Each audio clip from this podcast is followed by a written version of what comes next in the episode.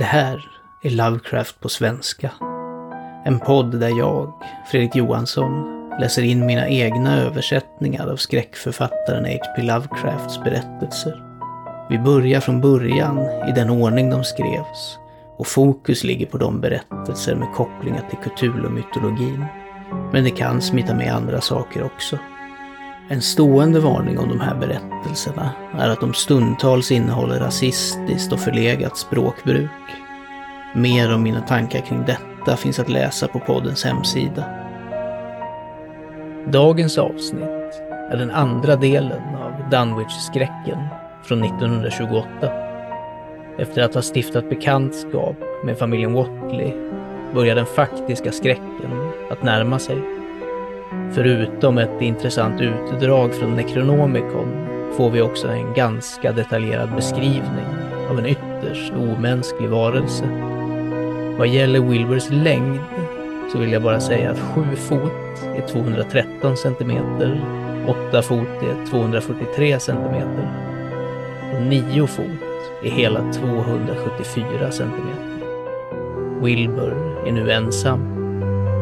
Han korresponderar ivrigt med bibliotek runt om i världen i ett försök att finna en komplett utgåva av Necronomicon då hans nedärvda engelska exemplar saknar viktiga delar. Den närmaste platsen visar sig vara Miskatonic universitet i Arkham och Wilbur lämnar därför för första gången Dunwich för att besöka universitetsbiblioteket. Där träffar han professor Armitage som överser hans undersökning av den skrämmande boken. Professorn ordnar så att Wilbur får läsa den på plats under övervakning. Men under Wilburs undersökning kikar professorn över hans axel och får en aning om vilka delar av Necronomicon som Wilbur är intresserad av. God lyssning.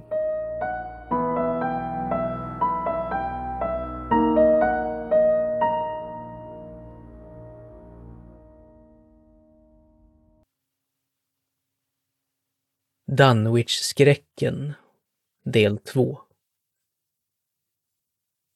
5 Följande vinter förde med sig en händelse inte mindre märklig än Wilburs första resa utanför Dunwich-regionen. Korrespondensen med Widener-biblioteket vid Harvard, Bibliothèque Nationale i Paris, British Museum, universitetet i Buenos Aires och biblioteket i Miskatonic universitet i Arkham hade misslyckats med att ge honom ett lån av en bok han desperat ville ha. Så till slut gav han sig iväg personligen.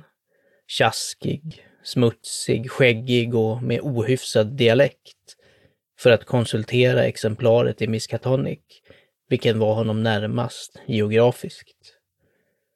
Nästan åtta fot lång och bärande en billig ny kappsäck från Osborns lanthandel dök denna mörka och getaktiga gargoyle upp en dag i Arkham på jakt efter den fruktade volymen som hölls under lås och bom i universitetsbiblioteket. Den fruktansvärda Necronomicon av den galne araben Abdul al-Hasred i Olas Wurmius latinska version som tryckts i Spanien på 1600-talet.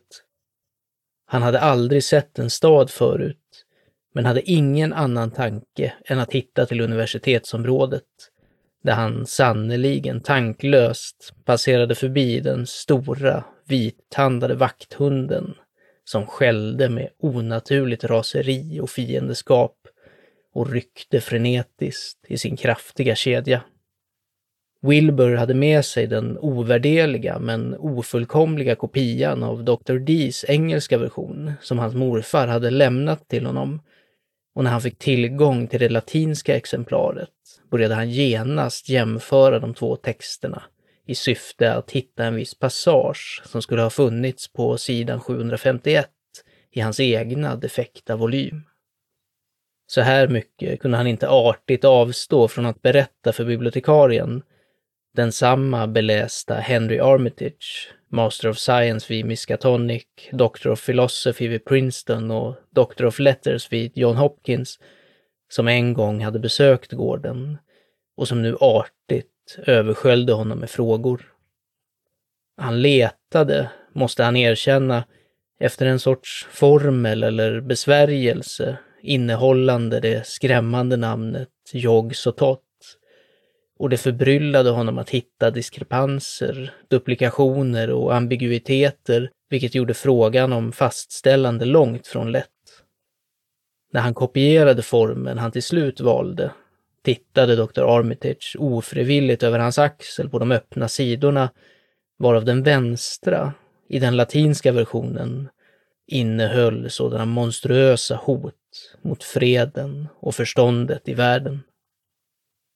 Det ska inte heller tros, löd texten när Armitage mentalt översatte den, att människan är antingen den äldsta eller sista av jordens mästare, eller att den ordinära gestalten av liv och substans går ensam. De gamla var, de gamla är och de gamla skall vara. Inte i de rymder vi känner till, utan mellan dem går de fridfulla och primära, odimensionerade och för oss osedda. Jag Sotot känner till porten. Jag Sotot är porten. Jag Sotot är nyckeln och väktaren av porten. Dåtid, nutid, framtid, alla är ett i Yog Sotot. Han vet vad de gamla bröt igenom förr och vad de ska bryta igenom igen. Han vet var de har beträtt jordens fält och var de fortfarande beträder dem och varför ingen kan skåda dem när de beträder. Av deras lukt kan människor ibland känna dem nära, men om deras skepnad kan ingen människa veta, utom endast i dragen hos dem som de har frambringat hos mänskligheten. Och av dessa finns det många sorter, som skiljer sig i likhet från människans sannaste eidolon till den form utan åsyn eller substans som är dem. De går osedda och skämda på ensliga platser där orden har talats och riterna ylats igenom vid sina årstider. Vinden pladdrar med deras röster och jorden muttrar med deras medvetande. De böjer skogen och krossar staden, men ändå kan inte skog eller stad skåda den hand som förgör. Kadat i den kalla ödemarken har vi känt dem, och vilken människa känner till Kadat? Södens isöken och havets sjunkna öar bär stenar var på deras sigill inristade, men vem har väl sett den djupa frusna staden eller det förseglade tornet prytt med sjögräs och havstulpaner. Store Cthulhu är deras kusin, ändå kan han skönja dem endast vagt. Jä, Shubnigurat. Som en förorening skall ni känna dem. Deras händer på era halsar, ändå ser ni dem inte. Och deras boning är även ett med er vaktade tröskel. Jag är nyckeln till porten där sfärerna möts. Människan härskar nu där de en gång härskade. De ska snart härska där människan nu härskar. Efter sommar är vinter och efter vinter sommar. De väntar tålmodigt och kraftfullt, för här ska de regera igen. Dr. Armitage, som länkade samman det han läste med vad han hade hört om Dunwich och dess obehagliga närvaro och om Wilbur Watley och hans dunk dunkla, avskyvärda aura som sträckte sig från en tvivelaktig födelse till ett moln av troligt mödramord, kände en våg av skräck lika påtaglig som draget från den kalla, fuktiga graven. Den böjda, getaktiga jätten framför honom tycktes vara ett yngel från en planet eller dimension som någonting endast delvis mänskligt och länkad till svarta avgrunder av essens och entitet som sträcker sig likt titanfantasmer bortom alla sfärer av kraft och materia, tid och rum. Nu höjde Wilbur sitt huvud och började tala på det där märkligt resonansfulla sättet vilket antydde ljudproducerande organ olika de som fanns till buds för mänskligheten. Mr Armitage, sa han. Jag räknar med att jag måste ta med den här boken hem. Det finns saker i den som jag måste prova under vissa förhållanden jag inte kan få hit. Och det skulle vara en dödssynd att låta byråkrati hålla mig tillbaka. Låt mig ta den, sir, och jag svär att ingen märker någon skillnad. Jag behöver inte säga dig att jag kommer ta väl hand om den. Det var inte jag som försatte den här dikopian i det skick den är i. Han hejdade sig när han såg ett beslutsamt avslag i bibliotekariens ansikte och hans egna getliknande drag blev sluga. Armitage, halvt beredd att säga att han kunde göra en kopia av de delar han behövde, tänkte plötsligt på de möjliga konsekvenserna och kontrollerade sig själv. Det låg för mycket ansvar i att ge en sådan varelse nyckeln till sådana blasfemiska yttre sfärer. Watley såg hur det låg till och försökte svara lättvindigt. Nå, då så. Om ni känner på det sättet. Kanske är inte Harvard så kinkiga som ni är. Och utan att säga mer reste han sig och stegade ut från byggnaden, böjd i varje dörröppning. Armitage hörde den stora vakthundens vilda skällande och studerade Watleys gorillaliknande kliv när han korsade den delen av campus som var synlig från fönstret. Han tänkte på de vilda berättelser han hade hört och mindes de gamla söndagsartiklarna i Advertiser. Dessa saker och den kunskap han hade tagit del av från Dunwich-allmogen och byborna under hans enda besök där osedda saker som inte är av jorden, eller åtminstone inte av tredimensionell jord, rusande, stinkande och hemska genom New Englands dalgångar och ruvande obscent på bergstopparna. Om detta hade han länge känt sig säker på. Nu tycktes han känna närvaron av någon fruktansvärd del av den inkräktande fasan och skymta ett helvetiskt avancerande i det svarta herraväldet av den uråldriga och en gång passiva mardrömmen. Han låste in Necronomicon med en rysning av avsky, men rummet osade fortfarande med en ohelig och oidentifierbar stank. Som en förorening ska ni känna dem, citerade han. Ja, Odören var densamma som den som hade äcklat honom på Watleys gård mindre än tre år tidigare. Han tänkte på Wilbur, getaktig och olycksbådande, återigen, och skrattade hånfullt åt byns rykten om hans föräldraskap. Inavel? Armitage muttrade halvhögt för sig själv. Gode gud, så enfaldigt. Visa dem Arthur Mackens store guden Pan och de kommer att tycka att det är en simpel Dunwich-skandal. Men vilken sak! Vilket förbannat, oformligt inflytande på eller utanför denna tredimensionerade jord var Wilbur Watleys far. Född på Kyndelsmässan. Nio månader efter valborgsmässoafton 1912 när pratet om de märkliga jordljuden nådde hela vägen till Arkham. Vad gick på bergen den majnatten?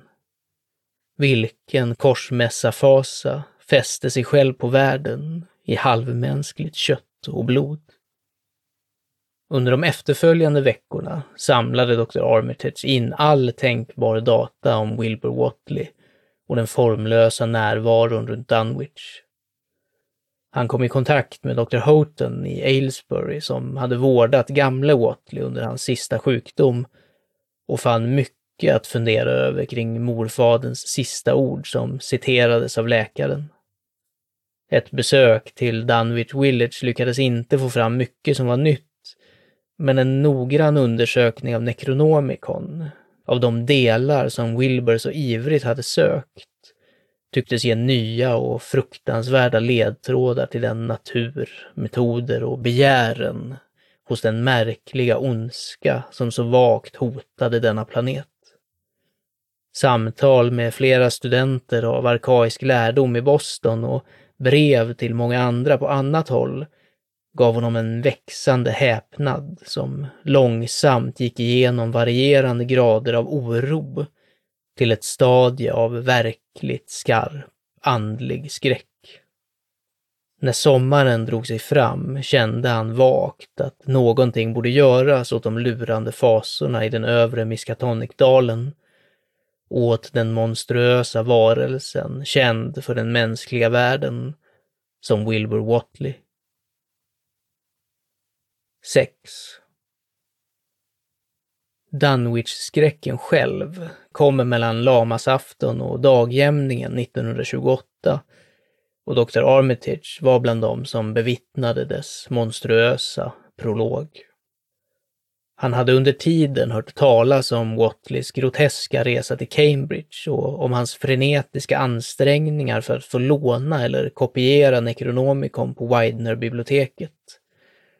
Dessa ansträngningar hade varit förgäves eftersom Armitage hade utfärdat varningar av häftig intensitet till alla bibliotek som hade tillsyn av den fruktade volymen. Wilbur hade varit chockerande nervös i Cambridge, angelägen om boken men även nästan lika angelägen att komma hem igen, som om han fruktade resultatet av att vara borta för länge. Tidigt i augusti utvecklades det halvt förväntade utfallet och på småtimmarna den tredje väcktes Dr. Armitage plötsligt av de ilskna, häftiga skallen från den vildsinta vakthunden på universitetsområdet. Djupt och fruktansvärt fortsatte det morrande, halvgalna gläfsandet och skällandet, alltid i stigande volym, men med ohyggligt menande pauser. Sedan ljöd ett skrik från en helt annan hals. Ett sådant skrik som väckte hälften av de sovande i Arkham och hemsökte deras drömmar för alltid efteråt. Ett sådant skrik som inte kunde komma från något väsen fött av jorden eller helt av jorden. Armitage, som skyndade på sig några kläder och rusade över gatan och gräsmattan till universitetsbyggnaderna, såg att andra var före honom och hörde ekon av ett inbrottslarm som fortfarande göd från biblioteket. Ett öppet fönster syntes svart och gapande i månljuset. Det som hade kommit hade verkligen fullbordat sin entré, för skällandet och skrikandet, som nu snabbt mattades av till en blandning av lågt morrande och stönande, fortgick omisskännligt från insidan. Någon instinkt varnade Armitage att det som ägde rum inte var en sak för obefästa ögon att se, så han föste tillbaka folksamlingen med auktoritet när han låste upp vestibuldörren. Bland de andra såg han professor Warren Rice och Dr. Francis Morgan, män för vilka han hade berättat några av sina antaganden och farhågor, och dessa två signalerade han att följa med honom in. De invändiga ljuden, med undantag för det vakande, drönande gnället från hunden, hade vid det här laget avtagit en del, men Armitage märkte nu med ett plötsligt ryck att en hög kör av nattskärror bland buskaget hade påbörjat ett förbannat rytmiskt pipande, som i samklang med en döende mans sista andetag. Byggnaden var full av en fruktansvärd stank, vilken Dr. Armitage kände allt för väl. Och de tre männen rusade genom hallen till det lilla genealogiska studierummet varifrån det låga gnällande kom. Under en sekund vågade ingen tända lampan. Sedan tog Armitage mod till sig och slog på strömbrytaren. En av de tre, det är inte säkert vem, skrek högt åt vad som bredde ut sig framför dem bland oordnade bord och välta stolar. Professor Rice uppger att han helt förlorade medvetandet under ett ögonblick, även om han inte snubblade till eller föll. Saken som låg halvböjd på sidan i en stinkande pöl av gröngul vätska och käraktigt klet, var nästan nio fot lång och hunden hade slitit av kläder och en del av huden. Den var inte riktigt död, utan ryckte tyst och spasmodiskt medan dess bröst höjde sig i monstruös unition med det galna pipandet från de förväntansfulla nattskärrorna utanför. Bitar av skoläder och fragment av plagg låg utspridda i rummet och precis innanför fönstret låg en tom canvassäck där den tydligen hade kastats. Nära det centrala skrivbordet hade en revolver fallit. En tillslagen men oavlossad patron förklarade senare varför den inte hade avfyrats. Själva saken, däremot, trängde bort alla andra intryck vid tillfället. Det skulle vara banalt och inte helt korrekt att säga att ingen mänsklig penna skulle kunna beskriva den, men man kan med rätta säga att den inte kan livligt visualiseras av någon vars idéer om utseende och kontur är alltför nära förbundna med de vanliga livsformerna på denna planet och de tre kända dimensionerna. Den var delvis mänsklig, utan tvekan, med mycket människolika händer och huvud. Och det getaktiga, haklösa ansiktet hade Watleys stämpel på sig. Men bålen och de nedre delarna av kroppen var teratologiskt fantastiska, så att endast generös klädsel någonsin kunde ha möjliggjort för den att vandra på jorden obestridd och outrotad. Ovanför midjan var den semiantropomorf, även om dess bröst, där hundens slitande tassar fortfarande vilade vaksamt, hade den läderartade, nätformade huden av en krokodil eller alligator. Ryggen var fläckig med gult och svart och antydde vagt det fjälliga mönstret hos vissa ormar. Nedanför midjan däremot var det värsta. För här slutade all mänsklig likhet och ren fantasi började.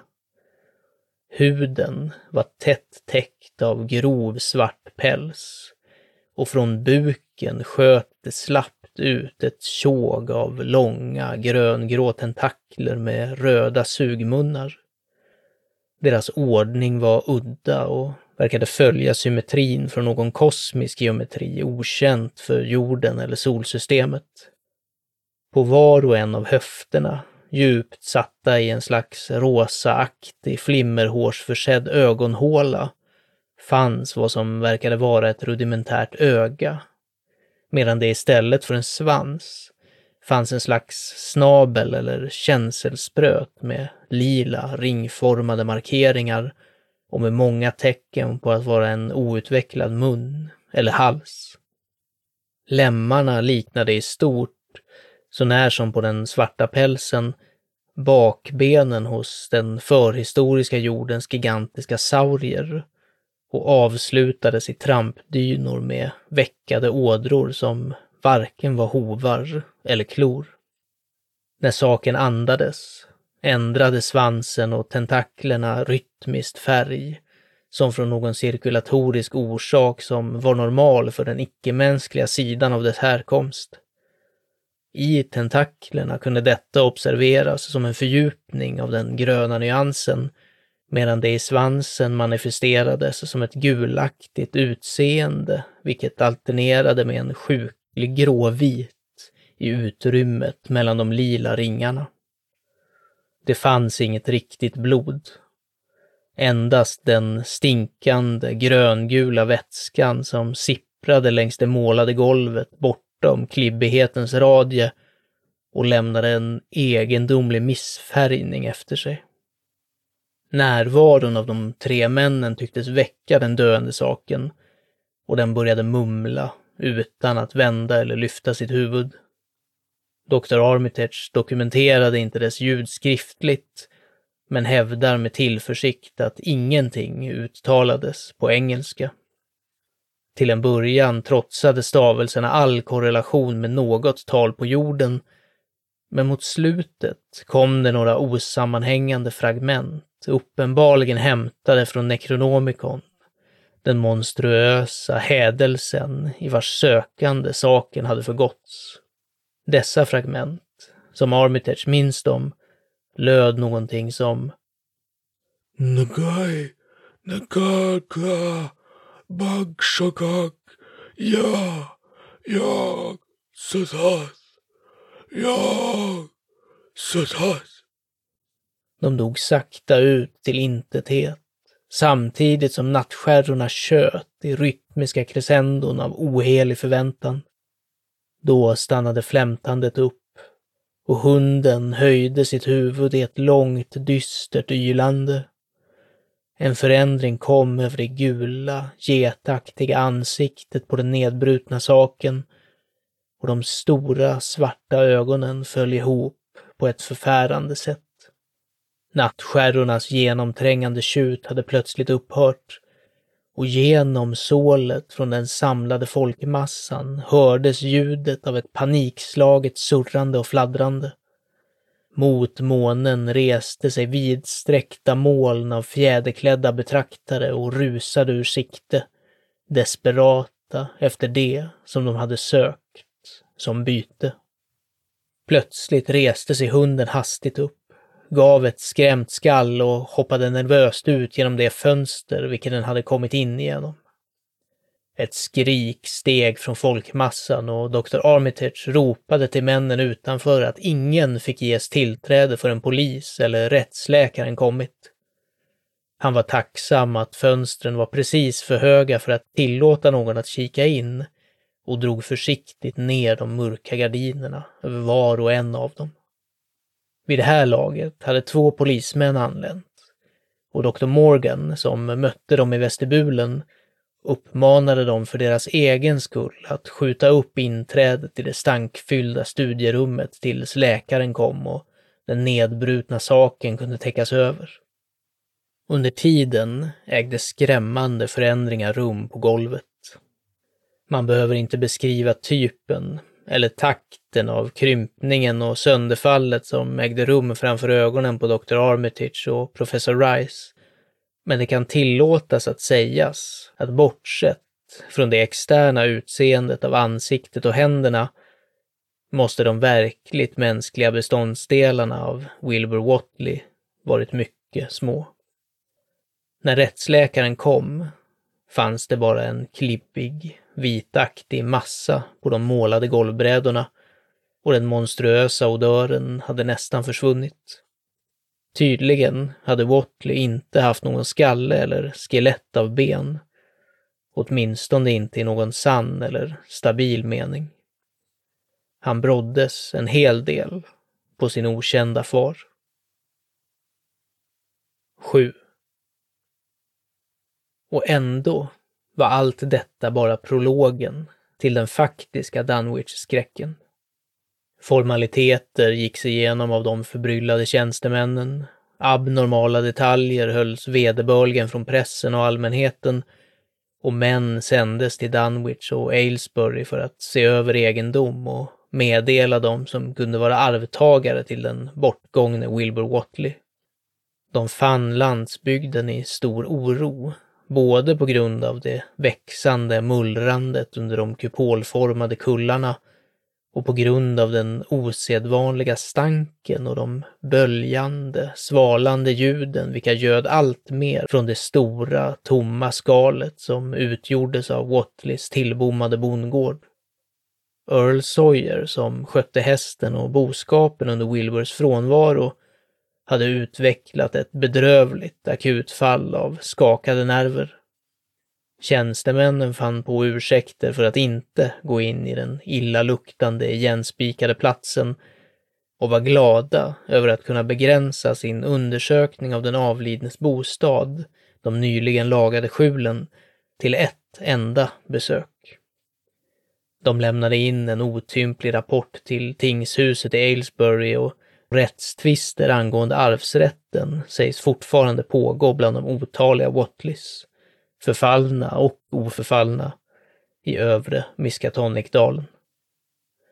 Ett nästan oändligt manuskript i märkliga tecken, skrivet i en enorm liggare och bedömt som en slags dagbok på grund av radavstånden och variationerna i bläck och handstil, presenterade ett förbluffande pussel för de som fann den i den gamla byrån som tjänat som sin ägares skrivbord. Efter en veckas debatt sändes den till Miskatonic universitet tillsammans med den avlidnes samling av undliga böcker för undersökning och möjligen översättning.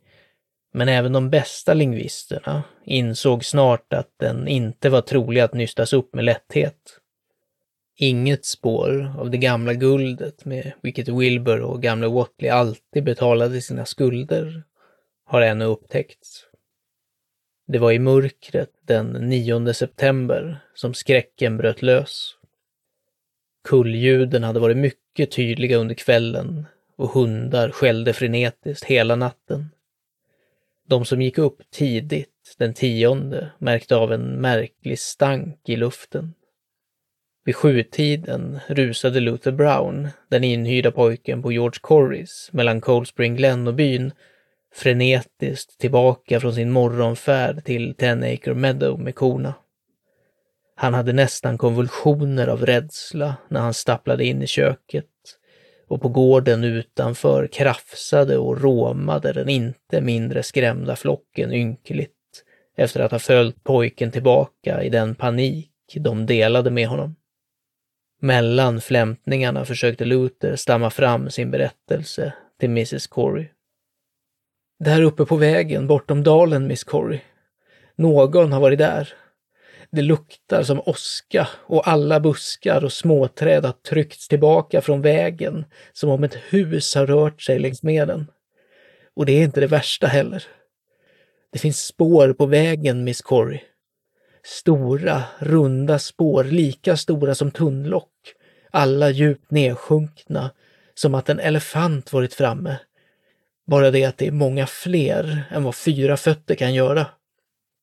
Jag tittade på en eller två innan jag sprang och jag såg att varenda en var täckt med linjer som spreds ut från en plats, som en stor palmbladsfläkt, två eller tre gånger så stor som någon av dem är, hade slagit ner i vägen. Och lukten var hemsk, som den är runt trollkarlen Watleys gamla hus. Här vacklade han till och tycktes darra på nytt av den skräck som hade skickat honom springande hem.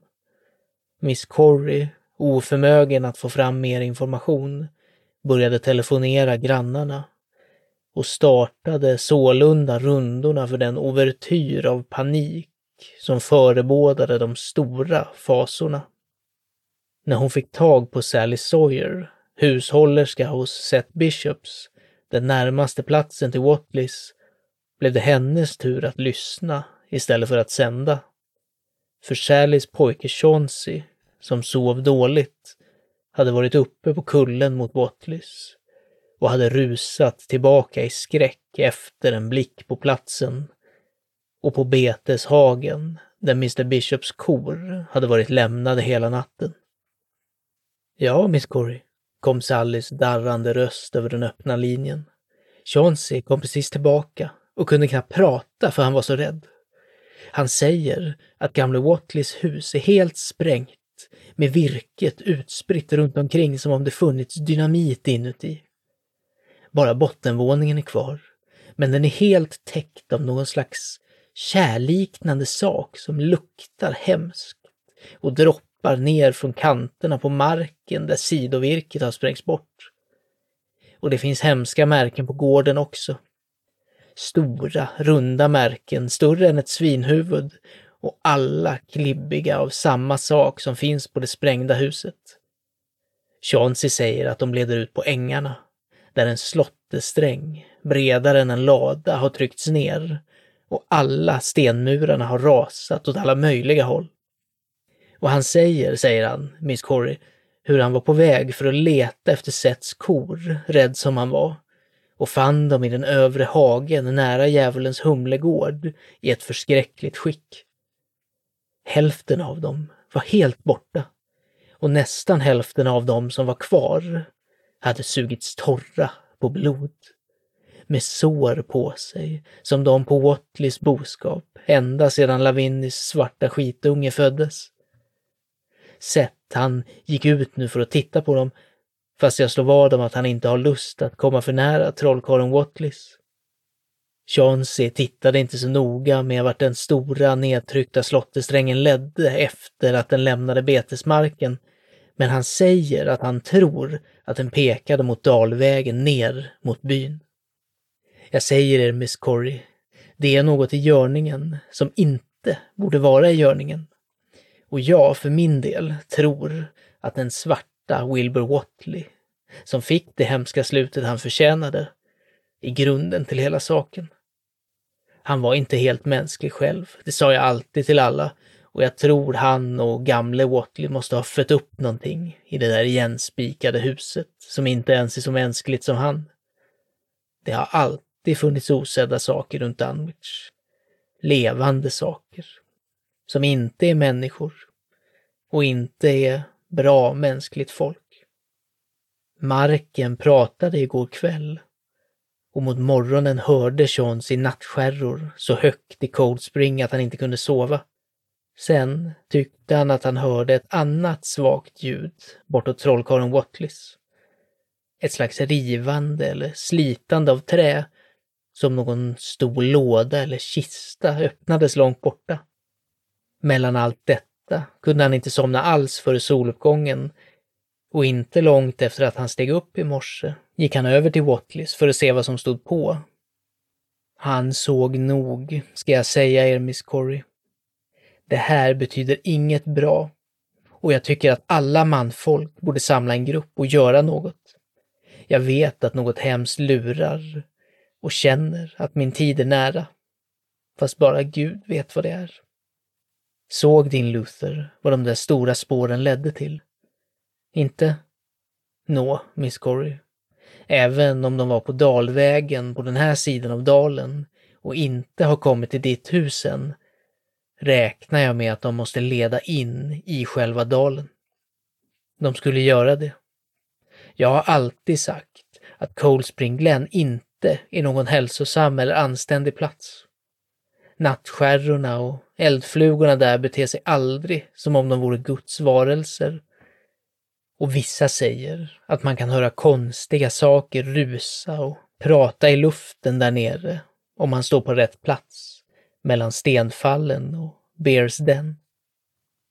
Den dagen vid lunchtid marscherade hela tre fjärdedelar av männen och pojkarna i Dunwich över vägarna och ängarna mellan de nygjorda Watley-ruinerna och Cold Spring Glen och undersökte med fasa de enorma, monstruösa avtrycken, den lemlästade bishopboskapen, det märkliga, vämjeliga vraket av bondgården och den krossade, nedplattade växtligheten på fälten och vägkanterna.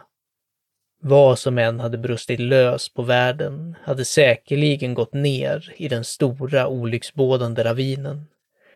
För alla träden på bankerna var böjda och brutna och en stor allé hade gröpts fram i den klipphängande undervegetationen. Det var som om ett hus, utskjutet av en lavin, hade glidit ner genom den trassliga växtligheten i den nästan vertikala sluttningen. Underifrån kom inget ljud, utan endast en avlägsen, odefinierbar stank. Och det är inte att undra på att männen föredrog att stanna vid kanten och argumentera, hellre än att klättra ner och djärvt konfrontera den okända cyklopiska fasan i sin lya. Tre hundar som var med i sällskapet hade skällt ursinnigt först, men verkade kuvade och motvilliga när de var nära dalen. Någon telefonerade nyheterna till Aylesbury Transcript, men redaktören, van vid vilda berättelser från Dunwich, gjorde inte mer än att koka ihop ett humoristiskt stycke om det. En artikel som kort därefter återgavs av Associated Press. Den kvällen gick alla hem och varje hus och lada barrikaderades så ordentligt som möjligt. Det är överflödigt att säga att ingen boskap tilläts vara kvar på de öppna betesmarkerna. Vid tvåtiden på morgonen väckte en fruktansvärd stank och det vilda skällandet från hundar hushållet hos Elmer Fries vid den östra kanten av Cold Spring Glen. Och alla var överens om att de kunde höra ett slags dämpat susande eller skvalpande ljud någonstans utanför. Mrs Fry föreslog att man skulle telefonera grannarna och Elmer var på väg att hålla med när ljudet av splittrat trä brast in i deras överläggningar. Det kom, tydligen, från ladan och följdes snabbt av ett ohyggligt skrikande och stampande bland boskapen. Hundarna dreglade och kröp ihop nära fötterna hos den av skräck bedövade familjen. Fry tände en lykta av vana, men förstod att det skulle innebära döden att gå ut på den svarta gården. Barnen och kvinnofolket gnydde, avhållna från att skrika av någon obskyr, rudimentär försvarsinstinkt som sa dem att deras liv berodde på tystnad. Till sist sjönk ljudet från boskapen ned till ett ynkligt stönande och ett kraftigt knäppande, kraschande och knäckande följde. Fries, hopkurade i vardagsrummet, vågade inte röra sig förrän de sista ekorna ebbade ut långt ner i Cold Spring Glen. Då, mitt bland de dystra stönen från stallet och det demoniska pipandet från kvardröjande nattskärror i dalen, vacklade Selina Fry till telefonen och spred de nyheter hon kunde om skräckens andra fas. Nästa dag var hela landsbygden i panik och kuvade, okommunikativa grupper kom och gick där den djävulska saken hade inträffat. Två titaniska slottesträngar av förstörelse sträckte sig från dalen till Frygården. Monstruösa avtryck täckte de kala markfläckarna och en sida av den gamla röda ladan hade helt rasat in. Av boskapen kunde endast en fjärdedel hittas och identifieras. Några av dessa var i märkliga fragment och alla som hade överlevt behövde skjutas. Earl Sawyer föreslog att man skulle be om hjälp från Aylesbury eller Arkham, men andra vidhöll att det inte skulle vara till någon nytta. Gamle Sebulon Watley, från en gren som svävade ungefär halvvägs mellan sundhet och dekadens, kom med mörka, vilda förslag om riter som borde utövas på kullarnas toppar.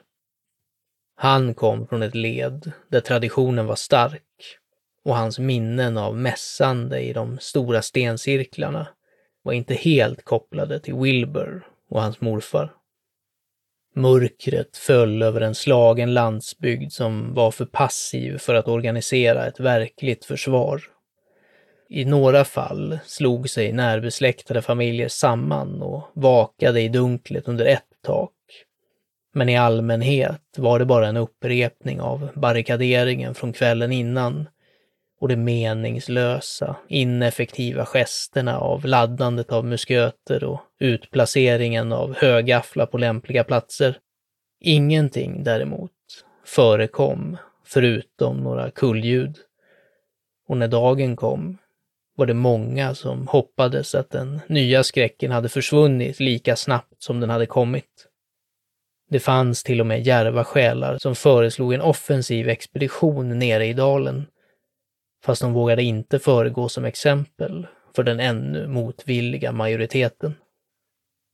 När kvällen kom igen upprepades barrikaderingen, även om det var mindre sammanhopningar av familjer.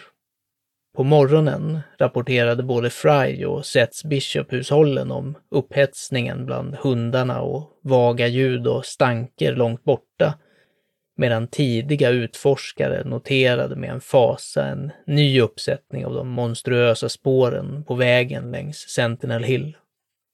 Som tidigare visade vägen skador som antydde det blasfemiskt överväldigande omfånget av skräcken, medan spårens utformning tycktes tala för en passage i två riktningar, som om det rörliga berget hade kommit från Cold Spring Glen och återvänt till den längs samma väg.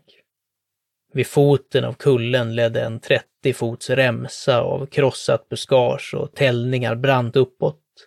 Och sökarna flämtade till när de såg att inte ens de mest vinkelräta platserna avledde den obönhörliga stigen.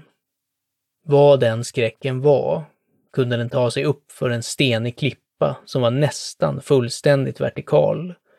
Och när undersökarna klättrade runt till kullens topp på säkrare vägar såg de att spåret slutade, eller snarare vände, där. Det var här som Watlis brukade bygga sina helvetiska eldar och mässa sina helvetiska ritualer vid den bordsliknande stenen på valborgsmässoafton och alla helgona. Nu utgjorde just den stenen mitten av ett stort utrymme som slagits fram av den ofantliga skräcken, medan på dess något konkava yta fanns en tjock och stinkande avlagring av samma käraktiga klet som observerat på golvet i den förstörda Watley-gården när skräcken flydde. Männen såg på varandra och muttrade. Sedan tittade de nerför kullen. Tydligen hade skräckens nedstigning varit via en rutt ungefär densamma som dess uppstigning. Att spekulera var meningslöst. Förnuft, logik och normala föreställningar om motivation blev alla förvirrande. Endast gamle Sebulon, som inte var med i gruppen, kunde ha gjort situationen rättvisa eller föreslagit en rimlig förklaring. Torsdagskvällen började mycket likt de tidigare, men slutade mindre lyckligt. Nattskärrorna i dalen hade skrikit med en sådan ovanlig ihärdighet att många inte kunde sova. Och runt klockan tre på natten hade alla telefoner ringt skälvande. De som tog ner sina mottagare möttes av en skräckslagen röst som skrek ut. Hjälp! Åh gud! Och vissa tyckte att ett kraschande ljud följde efter att utropet avbröts. Det var inget mer. Ingen vågade göra något och ingen visste förrän på morgonen varifrån samtalet hade kommit. Då ringde de som hade hört det till alla på linjen och fann att det bara var Fries som inte svarade.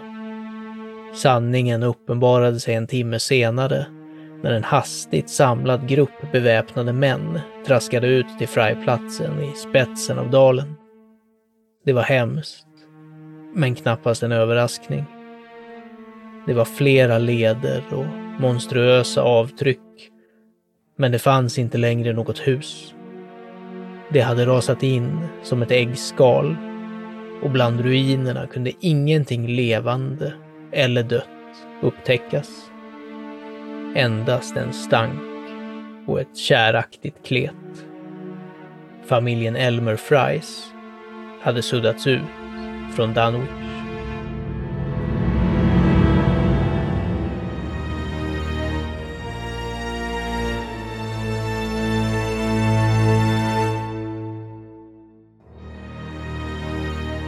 Du har lyssnat på den andra delen av Dunwich-skräcken. En berättelse av Howard Phillips Lovecraft som skrevs sommaren 1928 och som publicerades för första gången i april 1929 i Weird Tales i det fjärde numret av den trettonde utgåvan. Den svenska översättningen och inläsningen är gjord av mig, Fredrik Johansson. Tack för att du har lyssnat.